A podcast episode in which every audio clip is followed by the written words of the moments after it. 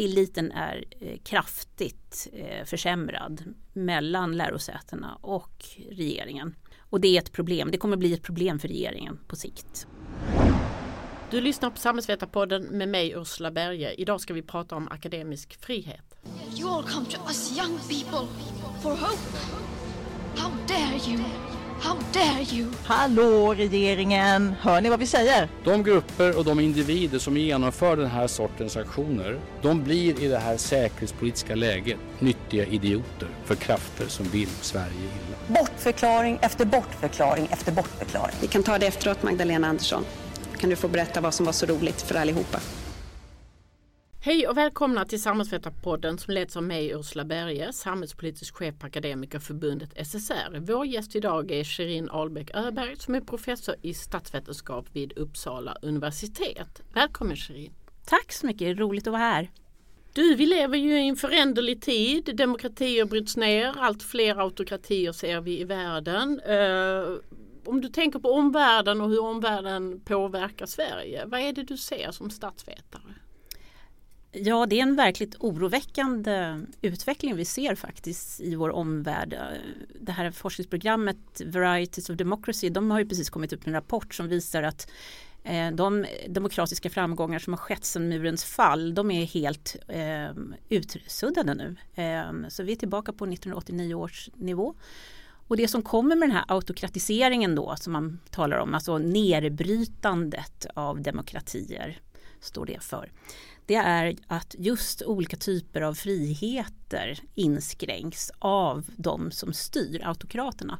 Och det rör sig allt, som har, allt från media till kulturen, akademin och andra liksom, eh, mera civila fri och rättigheter. Så att, så att säga, omvärldskontexten är ju eh, allvarlig skulle jag säga. Och om du för ner det in i eh, Sverige och den svenska kontexten, vad tänker du på då?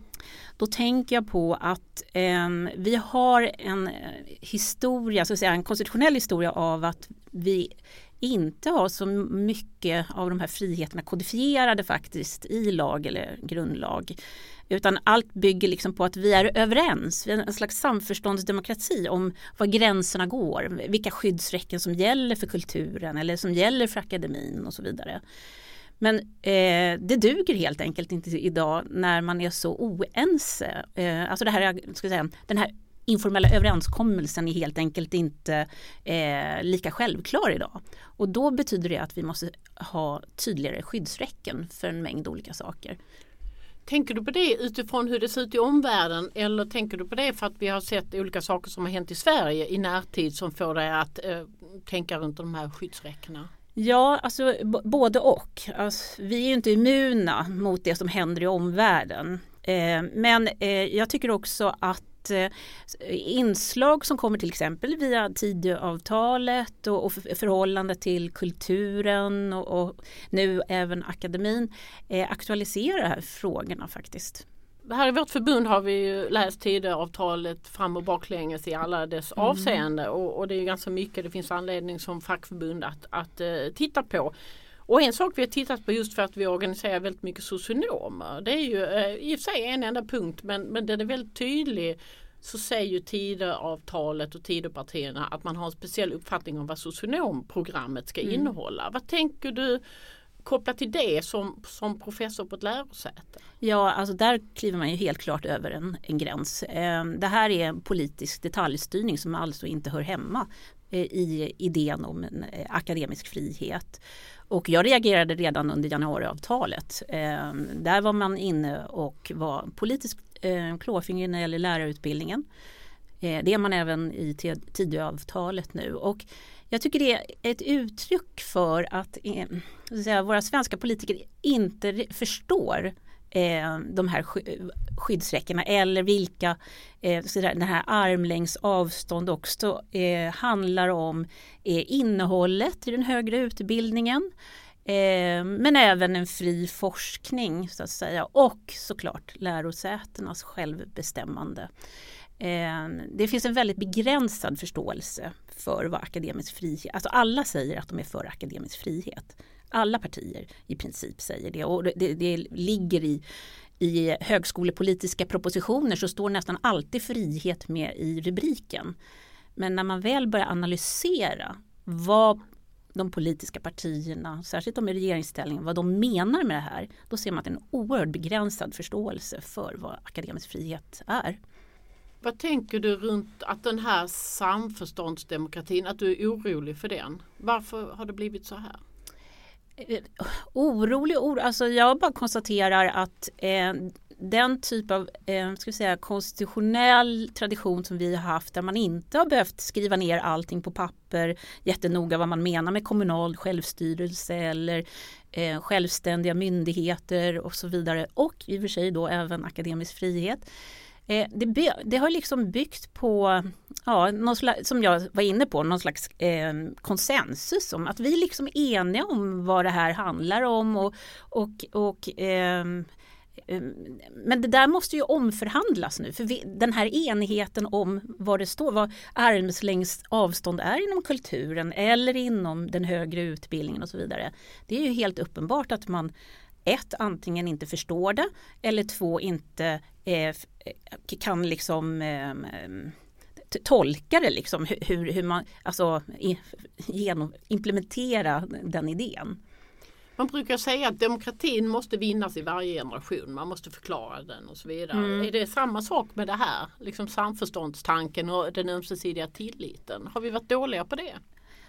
Ja, eh, eller åtminstone är det så här att vi måste, vi måste liksom vara uppmärksamma på när eh, alltså samhället förändras och det i sig behöver inte vara något dåligt. Men, men eh, det betyder att eh, skyddsräckena som jag pratar om då de måste helt klart anpassa sig till nya verkligheter och eh, nu när vi märker att det blåser hårt, när det, eh, alltså de här autokratiseringen i vår omvärld som jag pratar om, som vi, det är ju krafter som inte vi är immuna emot i Sverige, även om det inte är så utpräglat här.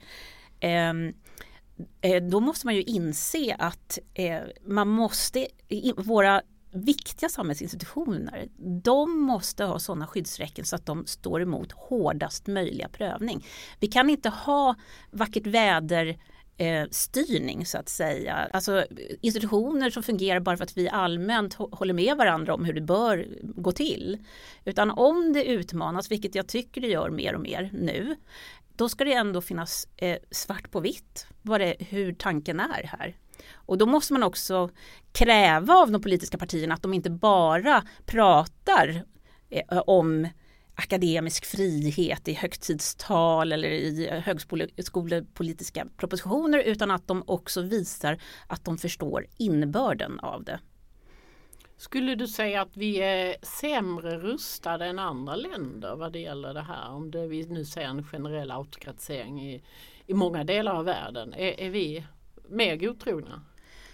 Eh, godtro. god tro, alltså det har ju liksom under lång tid ändå fungerat. Eh, vi har liksom haft en fungerande samhällsmodell. Eh, så, så att jag vill inte säga att vi är godtrogna men jag kan säga att vi är just på grund av att vi inte, för när jag pratar om grundlag och konstitution då pratar jag om, om liksom våra demokratins spelregler.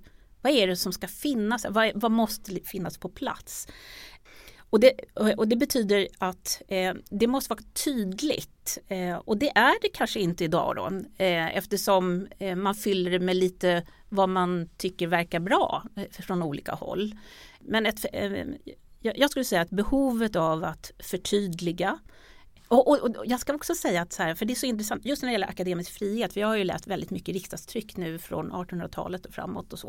Och det är så tydligt att när man pratar om universiteten och så vidare, de eh, statliga universiteten och högskolorna på 50-60-talet, då ser man i riksdagstrycket att det, är, det finns en förståelse om att det här är inte vilka förvaltningsmyndigheter som helst, utan det här är en, det är en särart i myndighetsfloran. Och den särartskänslan, den finns ju inte när man läser i eh, propositioner och så vidare idag på det samma sätt. Och då menar jag att det inte bara var en känsla utan att det fick ett konkret innehåll också i hur man valde att göra olika saker.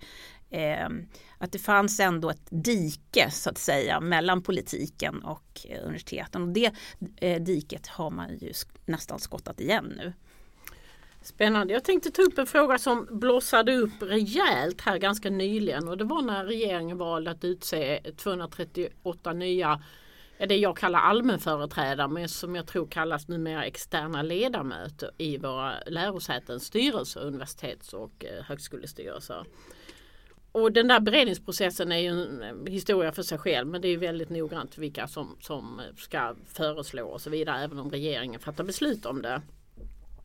Och den stora bomben var väl eh, att man gick från att ha en treårig mandatperiod vilket man har haft sedan ja, hur länge som helst till bara 17 månader med argumentet säkerhetspolitik. Vad tänkte du när du hörde detta?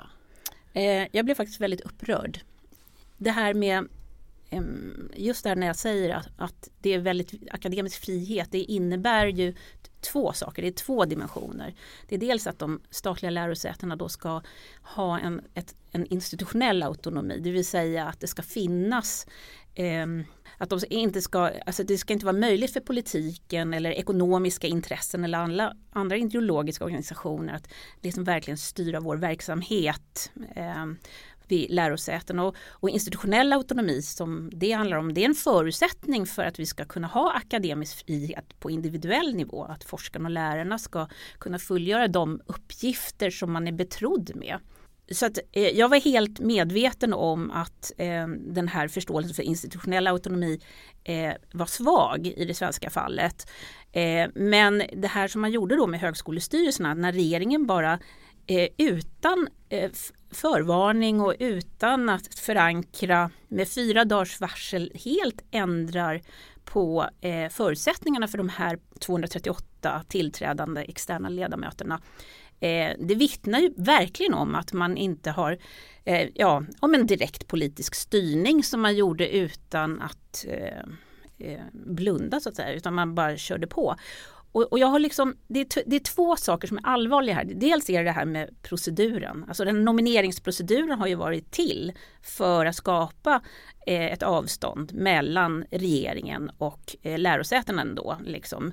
Så att man har en nomineringsperson från, som regeringen tillsätter och en nomineringsperson som lärosätena tillsätter och så föreslår de. Eh, och, och regeringar brukar då eh, utse just de här föreslagna. Eh, så det är en speciell procedur som man bara river upp. Eh, för den här proceduren har man dessutom antagit i riksdagen. Så den river man bara upp sådär. Men sen är det också substantiellt eh, hur man då motiverar det här som är under all kritik och det är att man måste se över den säkerhetspolitiska kompetensen i våra högskolestyrelser. Och det tycker jag vittnar om att de beslutsfattande, alltså regeringen då, inte förstår vad högskolestyrelserna ägnar sig åt. För det säkerhetspolitiska arbetet det sker operativt på lärosätena, inte i högskolestyrelserna. Vi får visserligen, jag har, jag har suttit, själv suttit med i Uppsala universitets universitetsstyrelse som med konsistoriet. Eh, vi får ju naturligtvis information och så vidare om vad som pågår. Men det operativa arbetet, om man, det, det sker i särskilda säkerhetsavdelningar och många lärosäten har ju säkerhetschefer och så. Så det vittnar också om, om att man inte förstår vad högskolestyrelserna eh, ägnar sig åt. Man tror att de är operativa. Mm. Så att min, min jag, jag blev eh, upprörd de, dels på grund av proceduren men även av substansen och jag tycker att det här är en, verkligen illustrerar den här institutionella sårbarheten. Att, att, alltså det här med att Ja, nej, men vi, vi, har ju, vi har ju politisk majoritet så vi gör, vi gör som vi vill. Utan respekt. Jag har också suttit i universitetsstyrelse, Lunds universitetsstyrelse och jag pratade aldrig säkerhetspolitik där. Nej men eller operativt. Liksom. Alltså, operativt. ja, jag menar hos oss så, så, så dyker, och jag sitter också i en eh, universitetsstyrelse i Norge Eh, och ja men det är klart att sådana här frågor kommer upp nu särskilt på senare år med internet och cyberattacker och, och så vidare. Eh, men det är ju inte vi som bedriver det arbetet som sitter i styrelsen utan det görs av kompetent folk mm på operativ nivå. Och det blev ju en, en rejäl storm kopplat till detta. Bland annat var det 37 stycken rektorer tror jag det var som skrev ett öppet brev till regeringen och ifrågasatte detta. Och en av de som skrev under var ju Försvarshögskolans rektor som man kan tycka har en säkerhetspolitisk kompetens. Och, och som också tyckte att detta var orimligt att, att man skulle korta mandatperioderna på grund av säkerhetspolitiska skäl. Men eh, vad tror du grunden ligger bakom? Eh, jag kommer strax till det. Jag vill bara säga så här att eh, ja, nu anger man säkerhetspolitiska eh, skäl. Vad är det man kommer ange nästa gång? Mm. Alltså det här är ett sluttande plan. Så det är inte okej. Okay. Och när det gäller, vad var din fråga nu igen? Nej, vad, vad, vad tror du ligger bakom ja. det här kortare mandatperioderna? Ja, jag tycker inte man kan tolka det på något annat sätt givet att jag inte köper det säkerhetspolitiska argumentet och att inte till exempel Försvarshögskolans rektor köper det argumentet heller. Och givet att utbildningsministerns uttalande i fråga krockar med det som finansministern uttalar. Den ena, han, där handlar det om att utveckla kompetens men finansministern eh, talar om att det kan finnas otillbörlig påverkan i våra styrelser. Det är ju ett väldigt misstroende faktiskt gentemot de som nu är nominerade. Det är två, alltså, ja, det är två ska säga, motiveringar som inte riktigt går ihop. Så givet att jag inte köper det så tycker jag att det är uppenbart att det här måste handla om personfrågor. Det, eh, man fick listan av alla nominerade. Deadline var sista januari. Mandatperioden börjar första maj. Fyra dagar innan så säger man att eh, det blir 17 månader istället och anger säkerhetspolitiska skäl för det. Eh, jag tror det är en personfråga. Och att eh, det kommer visa sig om man inte ändrar det här beslutet som nu har fått jättemycket kritik som du var inne på. Så kommer det ju framgå otroligt tydligt om 17 månader vilka man inte vill ha kvar. För man kommer inte kunna byta ut 238 personer. Nej precis och, och du, du, citerade finansministern Elisabeth Svantesson. Hon sa ju i riksdagen det är klokt att vi vet vilka som sitter i styrelserna och att det inte på något sätt förekommer någon otillbörlig påverkan. Och med det i bakgrunden kan man säga, men hur kunde regeringen överhuvudtaget fatta beslut om 238 eh, ledamöter som man uppenbarligen tror kan i alla fall någon av dem stå för en otillbörlig påverkan. Det är en otroligt bra, eh, det är otroligt bra påpekande för jag menar om man då verkligen tog det här säkerhetspolitiska på allvar då skulle man ju inte tillsätta någon nu. Alternativt så skulle man tillsätta alla och sen köra en säkerhetskontroll parallellt. Och de som man då, eh, om man fick träff på någon eller några då har ju regeringen möjlighet att bara plocka ut enskilda ledamöter och säga att det här går inte längre. Ja, och rimligen gör man det före regeringsbeslutet som man gör med alla andra sådana här. Ja, ja det finns många frågetecken här. Och en annan sak är om det här är ett väldigt akut läge, om det nu sitter personer i högskolestyrelser som, som, som kan stå för otillbörlig påverkan, att det inte är ett problem de första 17 månaderna. Mm, mm. Ja precis, det, det vore ju ett, det, tycker, det har jag också tänkt på att de, då, då skulle det fungera i 17 månader. Men ja, nej, det, jag tycker det, det saknas transparens i den här frågan. Eh, och det är väldigt olyckligt för en så självständighetskrävande verksamhet som eh, universitet och högskolor är. Och det är därför vi får den här, alltså det här är så illustrativt och eh, Eh, ska säga, rör ett redan känsligt ämne. Det här är inte en reaktion egentligen enbart på den nu sittande regeringens eh, förhållningssätt till de statliga lärosätena utan det här är ju en sårbarhet som vi har levt med länge under olika regeringar. Men det här just det här beslutet blev en alldeles för tydlig illustration av den institutionella sårbarheten med svenska lärosäten. Så, eh, och det är därför reaktionerna är starka. Eh, förutom de här rektorerna så, eh, så styrelseordförande för de eh, stora universiteten, ehm, studenterna, SULF, SACO Alltså det är ju en väldigt enig kritik. För all, vi ser ju allihopa vad det här, hur det här ser ut och vad det handlar om. Och det som är ännu värre, och jag vet inte om ni har hunnit uppmärksamma det, det är ju att nu får vi ju också eh, den svenska regeringen kritik från internationella eh, universitetssammanslutningar i Europa både, idag kom det från The Guild som är 21 toppuniversiteter i 16 länder tror jag i Europa. Och tidigare så var det Coimbra Group som också är en sammanslutning av toppuniversitet i Europa. Och de har ju gått ut med officiella uttalanden om att, eh, att eh, den svenska regeringen att borde föregå, alltså det, särskilt The Guild, borde föregå med gott exempel under sitt EU-ordförandeskap och liksom värna om den akademiska friheten, inte undergräva den.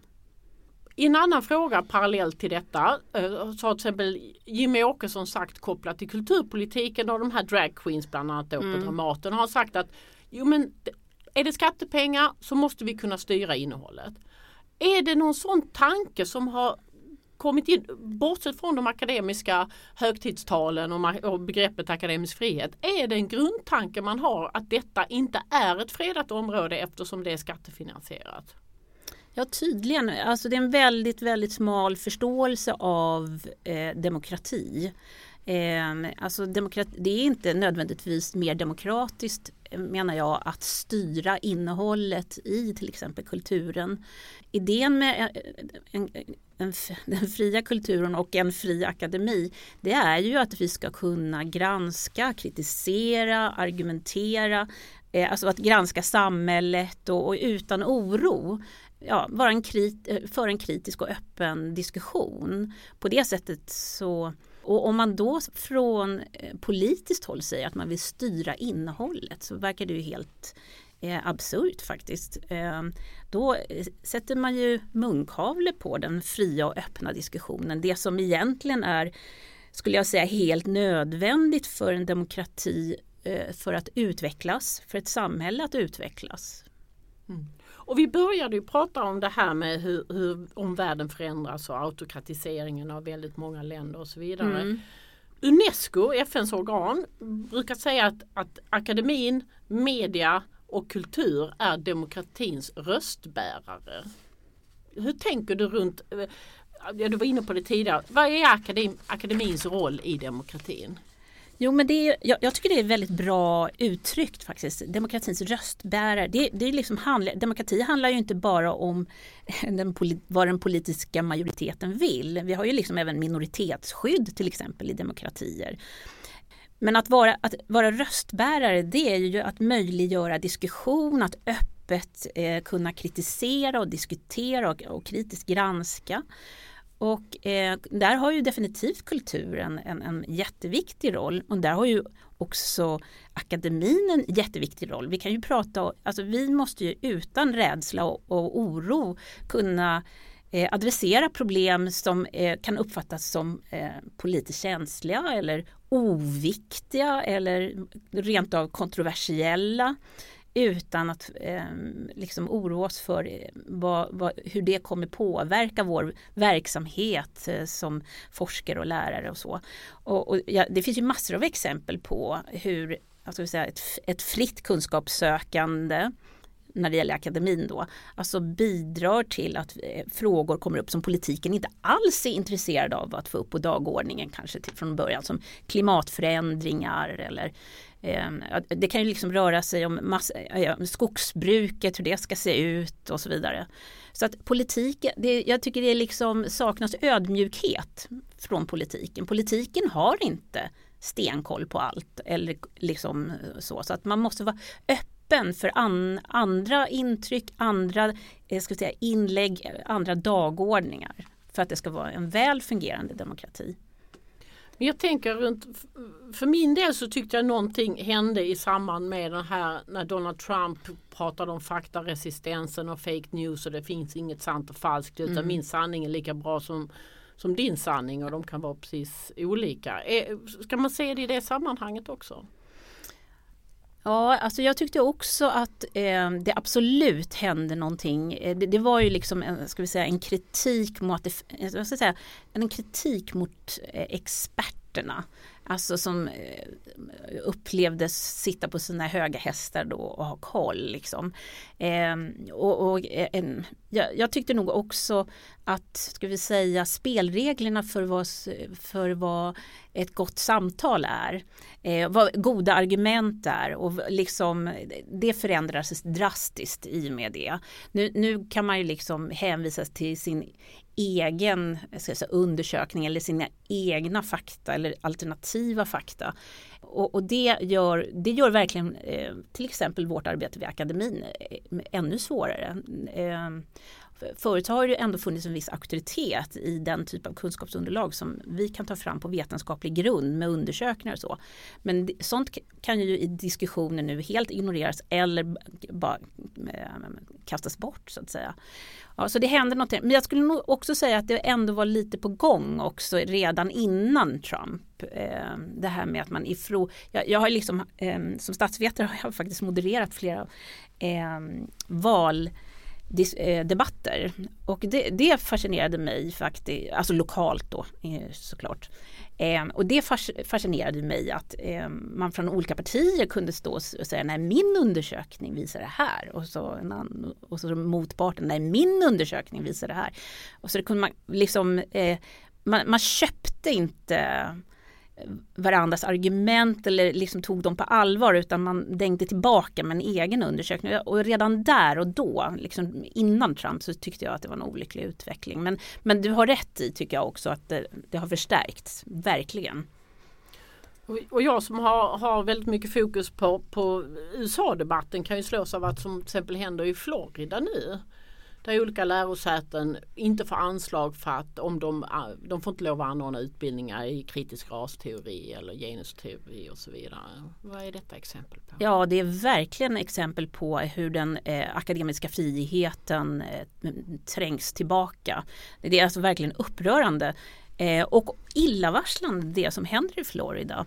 Och jag märkte, jag kollade på um, Varieties of Democracy som jag nämnde i början, ett stort eh, forskningsprogram vid Göteborgs universitet som undersöker olika delar av hur demok demokratin utvecklas. Eh, de lyfter ju fram alltså att, att till exempel akademisk frihet inte fungerar i Ungern, alltså i tillbakagång i Ungern och i Turkiet och så vidare. Det är ju ingenting som vi är förvånade över att höra. Men det, det de visar är ju också att det trängs tillbaka i USA. Alltså USA som har ju varit inom samhällsvetenskapen och många andra vetenskaper är verkligen det land som har den liksom verkligen toppforskningen inom våra olika områden.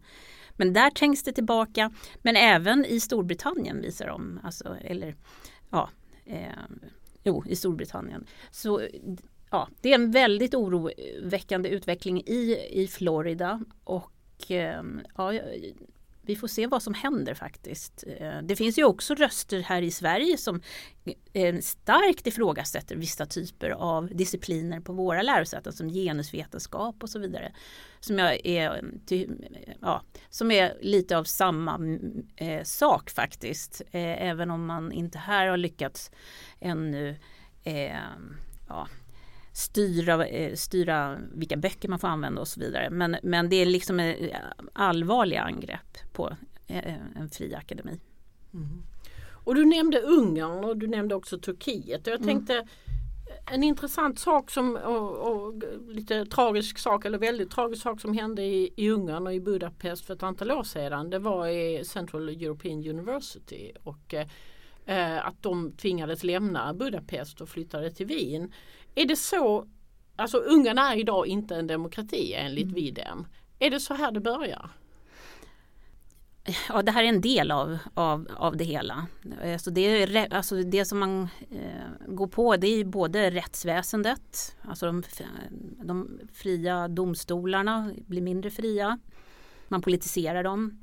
Eh, det som du beskrev nu, akademin eh, också, men även media Eh, ja, det är, så, det är så man monterar ner. Det är så autokratiseringen går till. Och jag, jag har för mig att eh, Varieties of Democracy också beskriver det att det har ofta en, en, alltså en särskild turordning. Jag tror att det var så att man menar att först går man på media, sen kulturen, sen eh, rättsväsendet och sen akademin. Jag kommer inte exakt ihåg om det är rätt ordning men ungefär att man, man såg ett mönster i alla fall.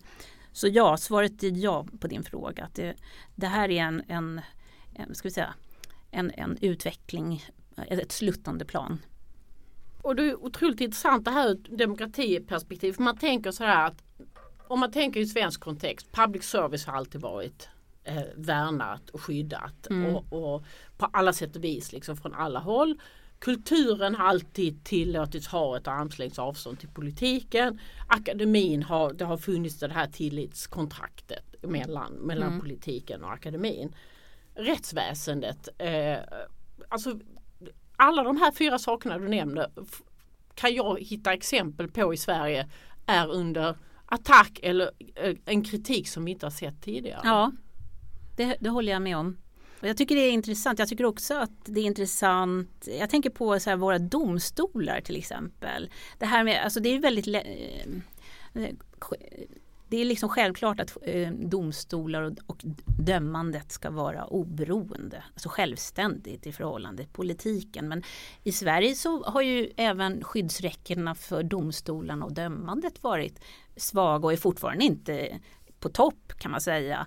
Eh, och och jag, det, det, jag skulle nog ändå säga, jag vill påpeka det igen, att det, det här är en del av svensk eh, politisk och konstitutionell historia. Att de här eh, institutionella frågorna har liksom inte varit prioriterade utan välfärdsstatens framväxt har liksom sakpolitiken har varit i förgrunden, inte institutionerna så mycket. Du har ju skrivit en jätteintressant rapport eh, för eh, SULFs räkning där du ehm, går igenom frågorna kopplat till det här med akademisk frihet. Och du säger bland annat så här, och du har varit inne på det tidigare här i podden, att det räcker inte från politiskt håll att tala om eller jo, försvara idén om akademisk frihet. Om reella former för att understödja denna frihet saknas eller om innehållet i centrala reformer till och med verkar i motsatt riktning. Vilka reella former är det som saknas? Vad är det vi behöver? För att säkra upp dessa skyddsräcken? Ja, de reformer som vi behöver det är att vi måste in, skriva in eh, både lärosätenas institutionella autonomi och den akad individuella akademiska friheten i vår grundlag. Och, och där just nu så i regeringsformen så har vi en, en liten skrivning om forskningens frihet och så hänvisar man till att det liksom preciseras i, i lag då, i högskolelagen. Det är det enda som finns. Vi har ingen, inget skydd för eh, den högre utbildningen, vilket är anmärkningsvärt. Och vi har inget skydd för den institutionella autonomin, alltså de statliga lärosätenas att man eh, liksom på, svart på vitt ser att eh, det här är eh, ska säga, institutioner där man, som, in, som ska vara befriade från direkt politisk styrning. Och det står ut i ett internationellt sammanhang. Alltså vi behöver reformer här. I, i Sverige så är alltså våra statliga lärosäten har samma verksamhetsform som förvaltningsmyndigheter. Och förvaltningsmyndigheter de, är ju till, de har ju lydnadsplikt i förhållande till eh, regeringen. Alltså de ska ju eh, följa de instruktioner och regleringsbrev och så vidare som regeringen utfärdar att genomföra den politik som eh, regeringen fattar beslut om. Men så kan man ju inte tänka om statliga lärosäten. Det, det är ju, och det har ju Sverige skrivit under massa res, rättsakter och överenskommelser internationellt om. Att man ska värna både den, alltså att man ska eh, tillförsäkra både den institutionella autonomin och den akademiska friheten. Men ändå så har vi en sån här lösning där verksamhetsformen är förvaltningsmyndighet och också, som jag var inne på tidigare, att politiker och byråkrater är väldigt, deras förståelse av att de, eh, universitet och lär, högskolor är något annat än en vanlig förvaltningsmyndighet, den förståelsen finns ju nästan inte idag. Ehm, så att det, det reform vi behöver det är till att börja med att det här skrivs in i vår grundlag. Och det är också så som olika typer av eh, ehm, europeiska överenskommelser och rättsakter eh, talar om det. Andra, och med det så skulle, behöver man också se över finansieringen. Eh, för jag tycker även om forskningens frihet nu är inskriven i vår grundlag så kan man ju säga att eh, det är ju väldigt mycket riktade medel som kommer från olika regeringar till till exempel Vetenskapsrådet och Forte och forma. Alltså man, man detaljstyr mycket mer nu än för 20 år sedan om man tittar i regleringsbreven. Eh, så att det är ju inte en garanti att man eh, får en lag, alltså att man rättsligt reglerar. Så att det man, den and, det, vad man måste tänka på också är hur ska vi tillförsäkra den här institutionella autonomin och den akademiska friheten med tillräckligt med resurser. Samtidigt som vi från akademins sida naturligtvis måste ha en förståelse för att, att staten som faktiskt finansierar vår verksamhet har rätt till en slags överinseende om vad vi håller på med. Men, eh, men just den här detaljstyrningen som nu finns i regleringsbrev och, an, och genom massa olika typer av centrala pålagor på lärosätena eh, så blir det här ja, Eh, det, är, det är två saker som verkligen måste ta tag i. Och eh, när du säger att vi borde ha in eh, utbildningsfrihet i grundlagen också. Ja. Eh, vad skulle det säkra upp som vi inte som inte säkras upp idag? En större respekt hoppas man, eller ett respektavstånd när det gäller regeringars olika viljor att gå in och peta i enskilda utbildningsprogram och så vidare. Alltså det, eh, det är liksom ett intressant i sig att både den föregående regeringen och den nu sittande regeringen utan att blinka satt, eh, ja, dikterar då i Tidöavtalet, januariavtalet vad olika utbildningar ska innehålla. Alltså vår uppgift är att bedriva vår verksamhet på vetenskaplig grund. Vad, hur våra utbildningar ska utformas det styrs av vad forskningen kommer fram till vad, eh, alltså, och hur vi i ett internationellt sammanhang också förstår vår uppgift i de enskilda utbildningsprogrammen. Inte vad en politisk majoritet just för tillfället tycker ska eh, ligga på vår, i kursinnehållet. Och det räcker inte det som står i högskolelagen att all verksamhet på lärosäten ska främja akademisk frihet. Det räcker inte. Nej, det är alldeles för svagt. Alldeles för, vad, vad, det är o, väldigt otydligt vad de menar med akademisk frihet. Och det är ju inte lärosätenas alltså, uppdrag eh, enbart. Alltså, eh, det är det jag menar, det där som du läste upp nu är precis ett typexempel på att, vi först, att man kan uttyda att regeringar inte förstår att akademisk frihet också bygger på institutionell autonomi. Att det är en grundförutsättning för den individuella akademiska friheten. Där skriver man om akademisk frihet utan att förstå att läros, alltså, lärosätena måste stå fria från staten men det vill man inte föra in där i, fast det låg i utredningsförslaget. Mm. Man, alltså man band sig inte själv vid, masten, staten så att säga, utan man, man vill ha öppna dammluckor känns det som. Mm. Och högskolelagen handlar ju om hur, hur högskolorna och lärosätena ska verka och, och akademisk frihet kanske garanteras av någon annan utanför och inte så mycket av lärosätet själv i första hand. Nej, och, och, och, kanske lärosätet är inte nödvändigtvis den mest hotande aktören för de eh, akademiska utövarna. Om du, jag vet ju att du har kikat på lite andra länder, inte minst nordiska länder. Vad, vad är den bästa förebilden om vi ska sätta igång ett sånt här arbete? Oj, det är en väldigt bra fråga. Eh, jag kan inte, det, det, är så här att det är svårt att hitta perfekta system.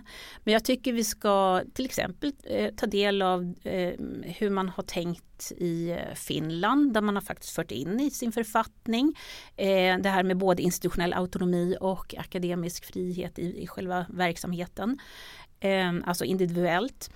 Ehm, för de studier som, jämförande studier som är gjort eh, av andra forskare, man jämfört eh, Sverige och Finland, då menar man att det ändå det har betydelse att det är grundlagsfäst det här. Därför att det betyder att man inte kan vara inne och mecka hur som helst i till exempel i deras universitetslag. Alltså att det finns liksom, man upprätthåller ett respektavstånd, en förståelse för att eh, eh en fri akademi eh, går man inte in och detaljstyr hur som helst. Ehm, så att det skulle vara intressant att se hur de resonerar och hur de är utformat. Men eh, eh, saken är den att med den institutionella autonomin då eh, handlar ju liksom också om finansiering och jag vet inte om jag kan säga att något av våra grannländer har en perfekt finansiering. Men de har en bättre finansiering på flera håll än vad vi har. Så är det. Du, jag tänkte vi skulle gå in på det här med, med själva den institutionella autonomin och då precis som du säger här så är ju statliga myndigheter, statliga eh, lärosäten är ju myndigheter, mm. vilket är ungefär som Migrationsverket eller Arbetsförmedlingen eller något annat. Och då tänker man ju inte för att jag är, kan det här med associationsrätt och så vidare men det finns ju stiftelsehögskolor och det är ju till exempel Chalmers och Jönköping och de har en massa stiftelsekapital väl, som är löntagarfondspengar eller annat och, och det drivs i aktiebolagsform och så vidare. Och 2013 kom det något som heter, ett förslag som heter högskolestiftelser eh, genom autonomireformen som inte skulle ha något stiftelsekapital och aldrig blev av för det var ganska manifest kritik mm. mot det vilken associationsform, vilken organisationsform borde lärosätena vara organiserade i om, om förvaltningsmyndighetsformen inte är tillräcklig? Det är en väldigt bra fråga och eh, jag tänker att man måste tänka så här eh, som vi har ju, ju sett sånt här arbete tidigare till exempel när Svenska kyrkan skildes från staten. Då fanns inte den associationsform som Svenska kyrkan har idag utan man inrättade den. Eh, så att jag skulle säga att just nu så har vi, finns det ingen, eh, det, det liksom ligger inte en associationsform och väntar som vi bara kan tillämpa utan det här måste, här måste vi skapa en särskild associationsform för de statliga lärosätena. Och det gjordes ju i en eh, autonomiutredning ledd av Daniel Tarschys för cirka 14 år sedan. 14-15 år sedan. Eh, han, I sin utredning argumenterade han för eh, en associationsform som hette, som han kallade då självständiga lärosäten. Och det, som, eh, och det var väldigt noggrant uttänkt eh, och, också liksom att eh, vissa delar av det här offentligrättsliga systemet skulle fortfarande tillämpas som jag också tycker är en bra sak som offentlighetsprincip och lite annat om jag minns rätt det var också så att han kopplade den här associationsformen också till finansiering eh, och hur, hur, verksamheten skulle finansieras. Så att, och så gjorde man även med, när Svenska kyrkan skildes från staten att man, man tänkte inte bara på organisation och liksom associationsform utan man talade också, man, man gjorde klart vilken typ av ska vi säga, egendomar och kapital som Svenska kyrkan skulle få ha, ha kvar. Eh, behålla helt enkelt. Så att det här är saker som man måste tänka väldigt noggrant eh, över. Jag, jag, tycker inte någon, alltså stiftelsehögskolorna de är fortfarande väldigt beroende av staten, årliga avtal eh, som de har.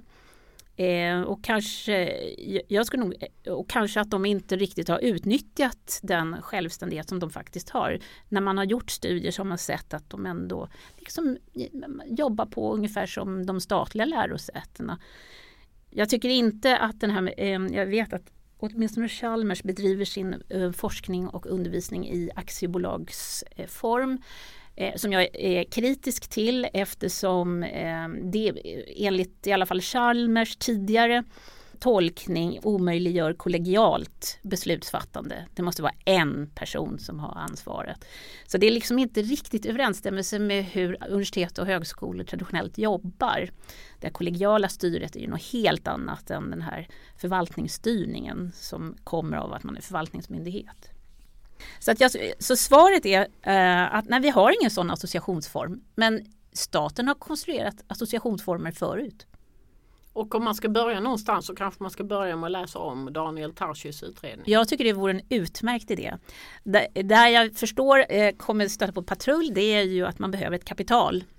Eh, och det eh, misstänker jag Finansdepartementet framförallt inte så intresserade av att dela med sig av. Det brukar vara så. Mm.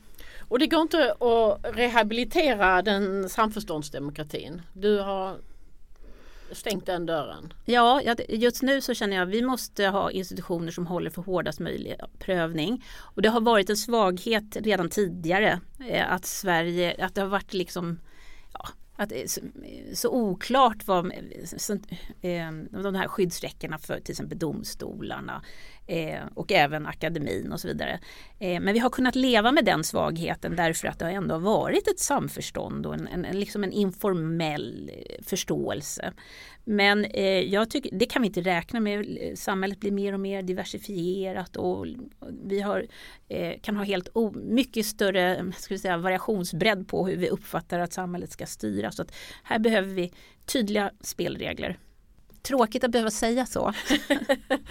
Och, och då ska vi börja avrunda här och eh, vad tänker du att, att eh, akademin, alla, alla vi som på olika sätt har, har synpunkter runt eh, akademisk frihet och utvecklingen och vad borde hända i närtid?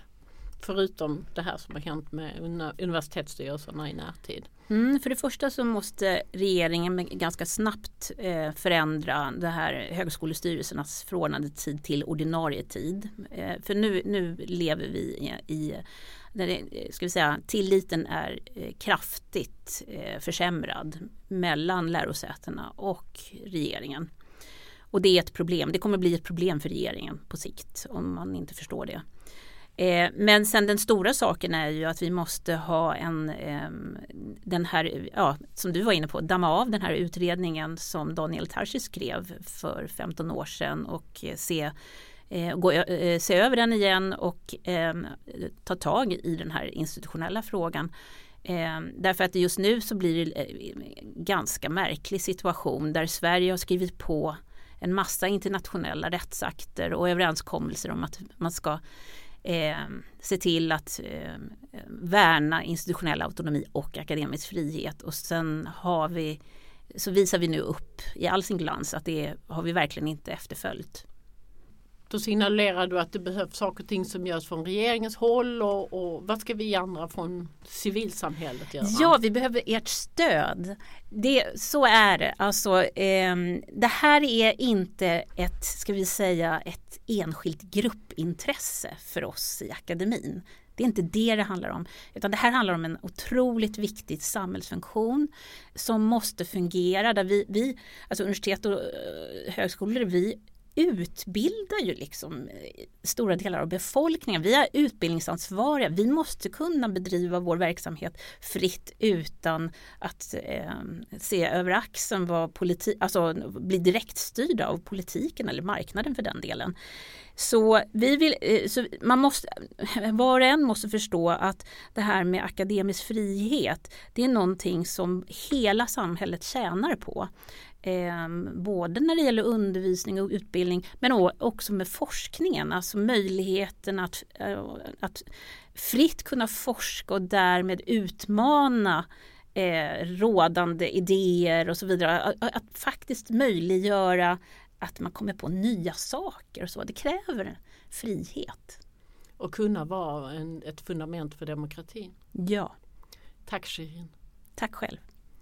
Det var allt från Samhällsvetarpodden den här veckan. Prenumerera gärna på så missar du inga avsnitt. Samhällsvetarpodden görs av Akademikerförbundet SSR, Sveriges ledande samhällsvetarförbund.